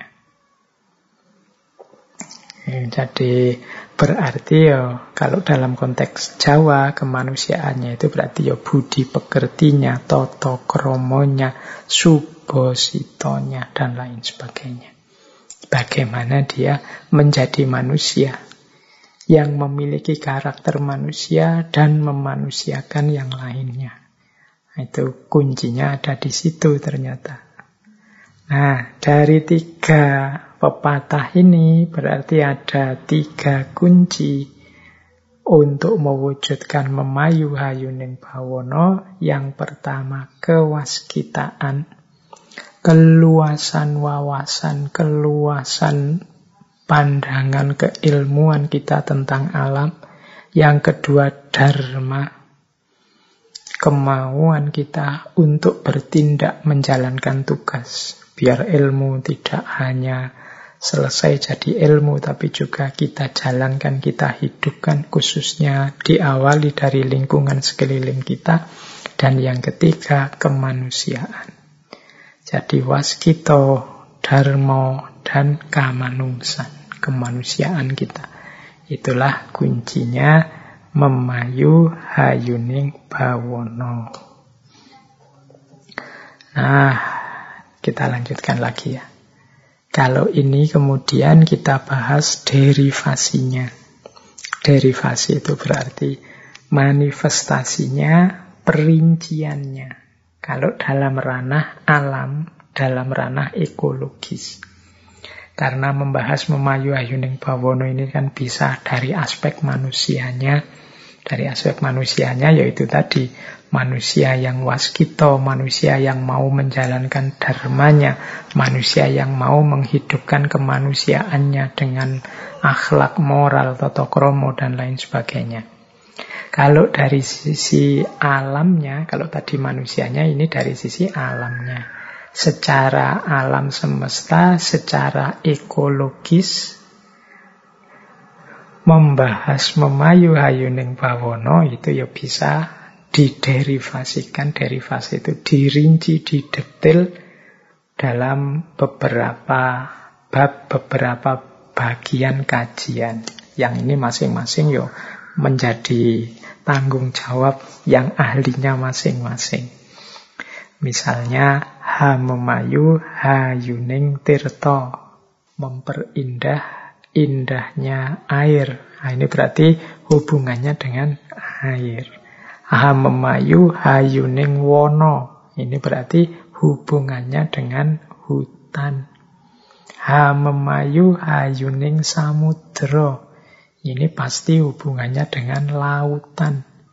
Ha memayu hayuning hawa, hubungannya dengan udara agar tidak polusi, tidak tercemar dan lain sebagainya. Ha memayu hayuning bantolo. Ini hubungannya dengan tanah. Ha memayu hayuning budaya. hubungannya dengan budaya. Dan ha memayu hayuning manungso, hubungannya dengan manusianya sebagai bagian dari alam. Nah, ini tadi saya sebut masing-masing menjadi tanggung jawab bidangnya sendiri-sendiri. Mungkin bagaimana cara melakukan pelestarian, memperindah bidang kehutanan, ya mungkin yang ahli tentang hutan bisa menjelaskan gimana cara kita melestarikan ekosistem hutan, gimana cara kita tidak mencemari air, lautan, tanah, atau udara. Mencari aspek budaya, mungkin ahli budaya bisa menjelaskan mana tradisi-tradisi budaya-budaya yang mendukung memayu Hayuning Bawono dan mana yang justru sebaliknya. Dari sisi manusia juga begitu, mungkin ahli-ahli psikologi, sosiologi, antropologi bisa menjelaskan perilaku manusia yang relevan, cocok dengan memayu Hayuning Bawono yang mana, yang tabrakan yang mana. Jadi ini wawasan-wawasan ekologis ini ya mestinya saya tidak bisa kalau membahas satu-satu wong saya bukan ahlinya. Seperti apa cara mengkonservasi, melestarikan hutan biar dia sesuai dengan jati dirinya sebelum dirusak oleh manusia. Cara memahami konservasi udara, tanah, air, dan lain sebagainya. Ya semoga ahlinya masing-masing mau untuk berbagi wawasan tentang ini. Karena ini salah satu kunci hidup sejahtera kita di muka bumi.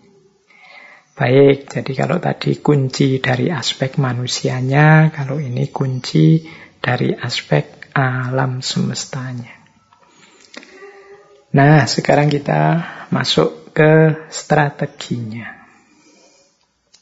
Strategi kita menghadapi, menjalankan, memayu hayuning bawono itu bisa antara lain. Ini hanya antara lain ya, karena kalau sudah strategi itu kan mungkin setiap wilayah, setiap tempat beda-beda. Kalau ini level abstrak saja, secara ideal bisa melakukan namanya trino atau 3N. Trino itu apa saja? Yang pertama adalah niteni. Yang kedua niroake. Yang ketiga nambai. Nah, jadi kalau ada yang tanya, bagaimana caranya memayu hayuning bawono secara praktis? Bisa dengan cara niteni, niroake, dan nambai. Niteni itu mengingat-ingat. Mengingat-ingat itu berarti mengenali, memahami, dan mengingat-ingat. Di dalam budaya Jawa terkenal sekali namanya ilmu titen. Ilmu titen itu ilmu yang mengingat-ingat. Jadi dititeni. Oh, kalau memang ini dan itu variabel yang muncul, besok mesti muncul itu lagi. Ah itu namanya niteni. Oh, kalau hawanya kayak gini, ini berarti sedang musimnya mau ganti ini. Nah, itu niteni. Orang Jawa punya banyak konsep, banyak teori yang dasarnya niteni ini. Ada misalnya yang luar biasa tentang pranoto mongso. Pranoto mongso itu pemahaman tentang musim. Ini nanti bisa dipakai oleh para petani. Kapan harus mulai tandur, kapan harus jangan nanam padi dulu kapan hujan turun, kapan panas akan datang. Itu pranoto mongso. Ditulis berdasarkan niteni. Kadang-kadang sampai hal-hal yang unik-unik sampai detail. Misalnya sampai ilmu tentang firasat dari gejala-gejala tubuh kita. Misalnya itu ada kedutan misalnya. Oh kalau kedutan maksudnya bagian tubuh yang bergetar. Kalau kedutan di mata kiri, isyarat apa? Kalau yang kedutan mata kanan, isyarat apa? Kalau yang kedutan telinga kanan, telinga kiri. Ada juga tentang tahi lalat. Kalau orang tahi lalatnya di sini berarti dia apa, tahi lalatnya di situ dia apa. Yang lebih populer lagi termasuk hitung-hitungan. Ini kalau anak lahir hari apa, bulan apa, tanggal sekian, bulan sekian itu cirinya ini. Kalau yang wetonnya sekian, cirinya begini. Nanti setelah dihitung-hitung, wah ini kalau si anak lahir bulan ini tanggal ini ketemu bulan ini tanggal ini itu rasanya kok tidak cocok ya? Nanti wataknya berlawanan ini. Nanti tidak langgeng macam-macam. Itu itu ya yes, monggo lah. Setuju tidak setuju. Tapi ini sebagian dari ilmu titen ilmu titen itu mengamati dari gejala-gejala yang ada sebelumnya kemudian dijadikan pemahaman untuk peristiwa-peristiwa selanjutnya nah bisa, karena alam ini kan ada sunnatullahnya. Sunnatullah itu berarti ada pola-polanya. Orang Jawa masuk sampai detail itu yang dititeni sampean. Tapi yo teman-teman bisa paling tidak dari aspek niteni ini kita ingat-ingat yo untuk dalam skala-skala umum saja misalnya oh kalau tanaman ini butuh matahari. Kalau yang itu tidak butuh kena sinar matahari. Kalau kucingku yang ini makanan kesukaannya ini kalau dikasih makanan ini dia malah muntah. Itu kan sederhananya begitu ilmu niteni itu. Jadi kita pahami, kita kenali karakter ekosistem di sekeliling kita. Itu namanya niteni. Setelah itu ada niroake. Niroake itu menirukan. Kalau niteni itu kita belajar keluar, kemudian kita ingat-ingat untuk ketepatan sikap kita terhadap apa yang terjadi dari apa yang kita pelajari tadi. Tapi kalau yang kedua ini niroake ini, kita tidak hanya belajar keluar, tapi juga belajar ke dalam tentang diri kita sendiri. Jadi niroake itu ya kita setelah ngerti ilmunya, memedomani, mengikuti, menirukan, mengambil pelajaran untuk diri kita sendiri. Itu namanya niroake. Jadi kan kita juga merupakan bagian dari alam semesta sekeliling kita. Maka kita juga bisa menirukan apa yang dilakukan oleh alam. Ada banyak pelajaran-pelajaran yang bisa kita ambil dari alam. Itu namanya niroake. Nanti ada banyak teori para bujangga misalnya. Eh, kalau ada teori misalnya, teori namanya Astobroto. Teori Astobroto itu teori untuk para pemimpin. Ini nasihatnya Rama pada adiknya Barata. Jadi pemimpin itu misalnya begini, ini Niro Ake, ikutilah seperti jalannya matahari. Karena matahari itu selalu memberi semangat dan daya dan kekuatan pada yang di bawahnya. Kalau kamu jadi pemimpin, jadilah pemimpin seperti bumi. Bumi itu selalu jadi tumpuan, selalu jadi sandaran, selalu memberikan apa yang dibutuhkan.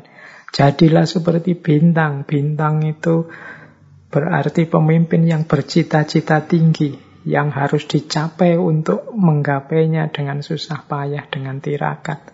Jadilah seperti rembulan, memberi cahaya dalam kegelapan, memberi kesejukan, memberi kenyamanan. Jadilah seperti angin yang senantiasa membaur di tengah-tengah masyarakat, memberi kesegaran. Jadilah seperti samudra yang luas, wawasannya luas, hatinya mampu menampung apa pun. Jadilah seperti api yang cekatan, tuntas menyelesaikan segala masalah. Jadilah seperti air yang mampu menyesuaikan diri dengan segala situasi dan lingkungan sekelilingnya. Nah, ini, ini Astobroto, pelajaran dari Rama Wijaya pada adiknya Barata. Nah ini contoh niroake. Jadi menirukan perilaku alam untuk kebaikan kita. Ada banyak pelajaran yang bisa kita ambil dari alam. Ini juga bagian dari memayu ayuning bawono karena kita sendiri juga bagian dari alam. Nah, yang ketiga kalau memang bisa yo nambahi. Nambahi ini memberi nilai tambah terhadap alam semesta. Inilah memayu ayuning bawono. Kehadiran kita menambah keindahannya alam semesta ini sudah indah, begitu kita ada di sana, keindahannya tambah tampak. Alam ini sudah rapi, kita hadir ke sana tambah rapi karena kita dengan akal budi kita ikut menyumbang menata kerapian-kerapiannya. Alam semesta ini sudah bermanfaat, tapi kehadiran kita membuat alam ini tambah manfaatnya berlebih-lebih dengan kemampuan kita mengelola apa yang ada di dalamnya. Nah, itulah memayu hayuning bawono.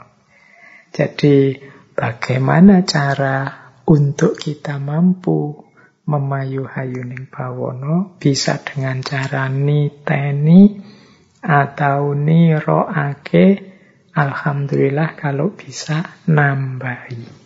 Baik, wah ini waktunya sudah mepet. Mungkin sebenarnya masih bisa kita panjang-panjangkan lagi kalau memang bisa ditambah contoh-contoh bagaimana kita, manusia Jawa bisa mengambil pelajaran dari simbol-simbol alam. Tadi kan ada penjelasan bahwa masyarakat Jawa itu di antara cirinya suka dengan simbolisme. Maka banyak sekali sebenarnya kalau dari serat, dari babat itu bagaimana segala yang ada di sekeliling kita dalam ekosistem kita itu bisa dijadikan pelajaran. Kalau teman-teman dulu mengikuti sesinya Sunan Kalijogo itu bagaimana bajaknya sawah, bagaimana cangkul, bagaimana baju, bagaimana setiap alat dalam gamelan itu ternyata dibaliknya mengandung nilai-nilai filosofi, diberi makna-makna. Ini ini salah satu cara juga bagaimana orang Jawa memuliakan alam dengan memberinya makna-makna, tidak sekedar dianggap sebagai barang tidak berguna atau barang yang hanya untuk mendukung hidupnya manusia saja. Itu salah satu contoh bagaimana cara masyarakat Jawa untuk menghormati ekosistemnya dengan cara memposisikannya sebagai sumber belajar, sebagai simbol yang dibaliknya ada makna-makna dalam yang harus digali. Baik, kita lanjutkan lagi. Kalau tadi mungkin strategi-strateginya, sekarang kita bahas bagaimana kemudian versi masyarakat Jawa tentang sikap yang ideal kepada alam. Ini menurut catatan saya dari berbagai sumber, secara umum ada dua jalan ideal untuk kita saat kita berhadapan dengan alam yaitu yang pertama lewat jalan moral dan yang kedua lewat jalan spiritual atau jalan keprihatinan atau jalan tirakat. Yang pertama jalan moral, laku moral. Seperti saya jelaskan tadi di awal, di antara worldview-nya masyarakat Jawa itu adalah sangat mengedepankan kesusilaan, Toto kromo subosito. Termasuk pastinya berhadapan dengan alam. Maka di depan alam seorang manusia juga hendaknya bertoto kromo. Ada beberapa aspek laku moral yang penting ketika kita berhadapan dengan alam ada yang positif, ada yang negatif. Yang positif itu misalnya kita harus tepos liro dan bisa rumongso. Tepos liro itu berarti kita bisa menempatkan diri secara tepat. Tepo itu tepak, seliro itu awak. diri kita, kita posisikan secara tepat di hadapan alam. Mungkin tadi sebagai keluarga, sebagai yang mensakralkan, dan lain sebagainya. Dan bisa rumongso, bisa rumongso itu kita bisa berempati. Selama ini kita berempati itu kan hanya pada manusia. Tapi dalam konteks ini kita juga dituntut untuk bisa berempati kepada lingkungan alam sekeliling kita. Berempati itu berarti melenyapkan ego kita dan menghadirkan kepentingan sesuatu yang lain yang jadi objek perhatian kita. Sama kayak kita jatuh cinta, itu kan ego kita tergusur dan yang masuk adalah kepentingan orang yang kita cintai. Nah, Orang yang semacam ini disebut orang yang bisa rumongso, bisa merasakan apa yang dirasakan oleh orang lain atau kalau objeknya alam bisa merasakan kondisi situasi alam semesta di sekelilingnya. Biasanya bisa rumongso ini lawannya adalah rumongso biso. Kalau rumongso biso itu merasa bisa, merasa mampu sehingga memposisikan diri di atas orang yang rumongso bisa, ya pasti dia tidak bisa rumongso. Sama seperti kritiknya saya itu Nasr pada manusia modern yang di hadapan alam selalu rumongso bisa. Tidak pernah bisa rumongso, tidak bisa memahami situasi alam dari perspektif kepentingan alam, tidak dari perspektif kepentingan egoisnya. Yang kedua, sepi ing pamrih rame ing gawe. Kita melakukan kebaikan apa pun yang bermanfaat terhadap alam, tidak usah matok pamrih-pamrih apa pun. Yang penting kita bekerja sekuat mungkin semampu kita demi kelestarian alam karena hakikatnya lestari dan hayuning ekosistem di sekeliling kita itu adalah hayuning kita juga. Keselamatan, kesejahteraan lingkungan itu berarti keselamatan, kesejahteraan kita. Maka kita sepi ing pamrih, rame ing gawe.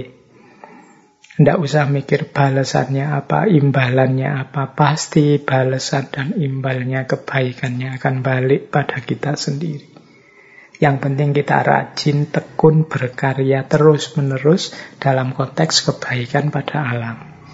Yang ketiga, eling lan waspodo. Kita senantiasa ingat dan waspada. Ingat kepada Tuhan, kepada hakikat kehadiran kita di muka bumi. Dan waspada, hati-hati. Jangan sampai kita melakukan hal-hal yang blunder, yang merusak, yang tidak hanya menghancurkan alam tapi pada gilirannya justru menghancurkan kita sendiri. Jadi eling lan waspodo ini harus kita hidupkan terus. Sadar akan hakikat diri dan kehidupan kita serta hati-hati jangan sampai melakukan hal-hal yang justru merusak. Kalau yang negatif, laku moral itu ya jangan sampai kita di hadapan alam itu hanya bersikap golek menangi dewe, golek butuhe dewe, golek benere dewe, dan golek enake dewe. Ini manusia itu punya kecenderungan ini. Nyari enaknya sendiri terus. Nyari benernya sendiri terus. Hanya yang dipikir kebutuhannya sendiri terus. Ingin menang terus. Jadi tidak berpikir yang di luar dirinya. Ini ciri-ciri orang yang egois. Hanya berpikir tentang dirinya sendiri. Jadi sikap ideal kepada alam yang pertama lewat jalan moral. Kita tidak hanya dituntut bermoral kepada manusia yang lain, kita juga harusnya berakhlak bermoral kepada alam lingkungan sekeliling kita. Yang kedua yaitu jalan tirakat atau prihatin. Ini kalau masyarakat Jawa terkenal sekali dengan istilah tirakat dan prihatin ini. Maksudnya apa sih tirakat dan prihatin itu? Kita mampu mengendalikan diri untuk memperoleh kebahagiaan yang lebih panjang dan lebih hakiki. Persis logikanya seperti orang puasa. Kita menahan lapar sebentar untuk memperoleh kenikmatan makan yang lebih dalam, lebih panjang, kebahagiaan makan yang lebih hakiki. Nah, tirakat juga begitu. Bukannya kita tidak makan itu karena tidak punya uang untuk makan. Punya, kalau memang boleh kita bisa makan sebanyak-banyaknya. Tapi kita milih tidak makan. Dalam rangka apa? Memperoleh kebahagiaan yang lebih panjang daripada sekedar kebahagiaan makan. Ini namanya trip prihatin. Nah, di hadapan alam juga begitu. Kita harus mampu prihatin dan tirakat. Berarti apa? Yuk kita mampu mengendalikan diri untuk tidak semena-mena mencari keinginan kita sendiri, mencari kenikmatan sesaat untuk diri kita sendiri, mencari kenyamanan egois versi kita sendiri, tapi kita berusaha menahan diri demi kenyamanan yang lebih panjang, kebahagiaan yang lebih hakiki, kenikmatan yang tidak hanya kita nikmati sendiri, tapi juga untuk semua nanti anak cucu kita sampai generasi beberapa pun. Jadi itulah namanya laku prihatin. Kalau dalam budaya Jawa ada istilah topo ngerami. Topo ngerami itu kita prihatin meskipun di tengah keramaian, di tengah limpahan berbagai fasilitas. Kalau memang boleh kita bisa kok kalau mandi itu menghabiskan 10 timbo atau 20 timbo wong kita orang kaya.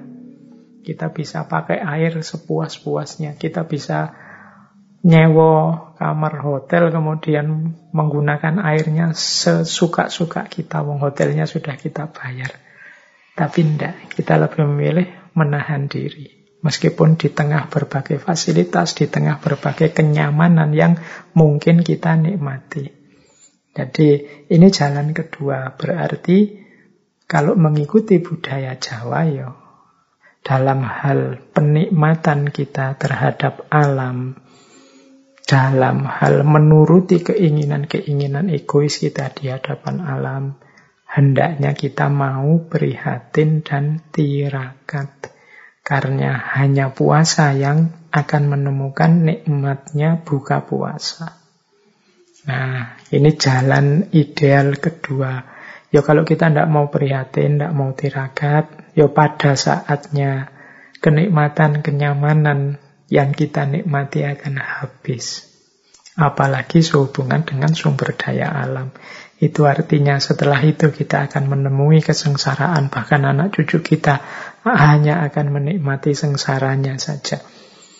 Jadi kalau kita hanya berpikir pendek demi egoisme kita, kita ingin menangi dewe, butuhe dewe, benere dewe, enak dewe, ya sudah nanti panen kita tidak akan jauh-jauh dari itu semua. Kita akan menemukan kesulitannya, kita akan menemukan kerumitan hidup kita karena habisnya fasilitas-fasilitas yang diberikan oleh alam ekosistem sekeliling kita ya karena kita sendiri yang merusak dan menghabiskannya.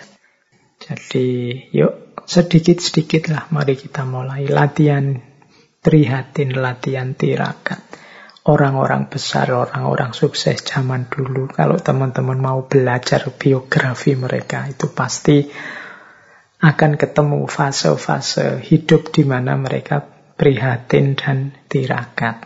Sehingga nanti kemudian mereka memanen buah dari keprihatinan dan ketirakatan itu. Ini latihan, apalagi teman-teman yang masih muda mungkin masih kuat lah kalau sekedar tirakat sedikit-sedikit, prihatin sedikit-sedikit demi anak cucu kita demi kebahagiaan yang lebih hakiki, demi fasilitas-fasilitas alam yang mungkin bisa kita nikmati sampai nanti ke depan untuk anak cucu kita. Baik, terakhir. Wah, ini waktunya sudah mepet. Terakhir kita bahas buahnya memayu hayuning bawono. Jadi secara umum nanti kalau manusia ini sukses memayu hayuning bawono, buah pertama yang paling kelihatan adalah harmoni, keseimbangan, keselarasan dalam hidup. Jadi hubungan ideal antara manusia dan alam semesta yang ini nanti akan menjadi kunci perjalanan manusia menuju Tuhan. Ini seperti sastro gending tadi. Jadi lahirnya adalah gending yang selaras, gending yang harmonis sehingga nyaman untuk didengarkan dan menjadi bagian dari perjalanan kita menuju Tuhan. Itu buah yang pertama. Jadi ini yang diimpi-impikan oleh para tokoh ekologis yang kita bahas di bulan ini. Hidup yang harmonis dan seimbang. Yang ini akan membahagiakan manusia pada akhirnya, membuat alam semesta juga lestari dan mengundang ridhonya Allah, ridhonya Tuhan, sehingga perjalanan manusia ilaihi rojiun semakin lancar. Yang kedua, buah dari memayu hayuning bawono adalah sejatining manungso. Sejatining manungso itu kalau dalam bahasa uh, filsafat Islam mungkin ada istilah insan kamil atau jalmo utomo, manusia yang utama. Mengapa lahir manusia yang utama? Ya karena manusia inilah yang mampu menjalin hubungan yang harmonis, ideal dengan semesta. Manusia yang mampu memperindah indahnya alam semesta. Manusia yang dengan laku moral, dengan laku tiragatnya mampu melahirkan keseimbangan dalam hidup. Jadi dari sisi makrokosmos akan muncul harmoni, dari sisi mikrokosmos akan lahir seorang insan kamil. Ada beberapa sesi kita secara khusus membahas tentang insan kamil ini dari beberapa tokoh filsafat Islam seperti Ibnu Arabi maupun Muhammad Iqbal atau Ali Syariati. Nah, terakhir dari ranah ilahiyah. Kesuksesan, keberhasilan seseorang memayu hayuning bawono merupakan manifestasi dari terjadinya manunggaling kawulo gusti. Manunggaling kawulo gusti sini tidak harus diartikan terlalu rumit dan terlalu dalam dalam konteks wah ini ajaran-ajaran sesat atau apa. Tapi mudahnya manunggaling kawula Gusti di sini diartikan adalah ketika bersatu kehendak Tuhan dan kehendak hamba. Jadi ketika manusia melakukan kehidup yang memayu hayuning bawono, ini kan berarti dia sedang menjalankan kehendak Tuhan. Memang tugasnya manusia di muka bumi sebagai khalifah itu antara lain ya melestarikan alam semesta, momong alam semesta atau memayu hayuning bawono ini. Berarti manusia yang mampu memayu hayuning bawono berarti kehendaknya sudah sama dengan kehendaknya Tuhan. Sudah satu, sudah manunggal. Berarti dia hidup dengan kehendak Tuhan. Kehendak dia sama dengan kehendak Tuhan. Kalau sudah sama dengan itu berarti kan satu. Di situ terjadi manunggal antara kawulo dan Gusti. Keinginan Gusti adalah keinginan hamba. Jadi satu sekarang. Nah, jadi ketika seseorang mampu menghidupkan memayu hayuning bawono dari sisi alam semesta terjadi harmoni.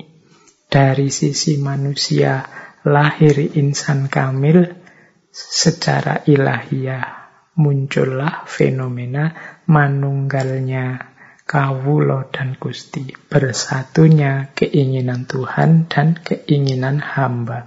Berarti manusia ini sudah ada di jalur yang benar dalam rangka ilaihi rojiun berjalan menuju Allah.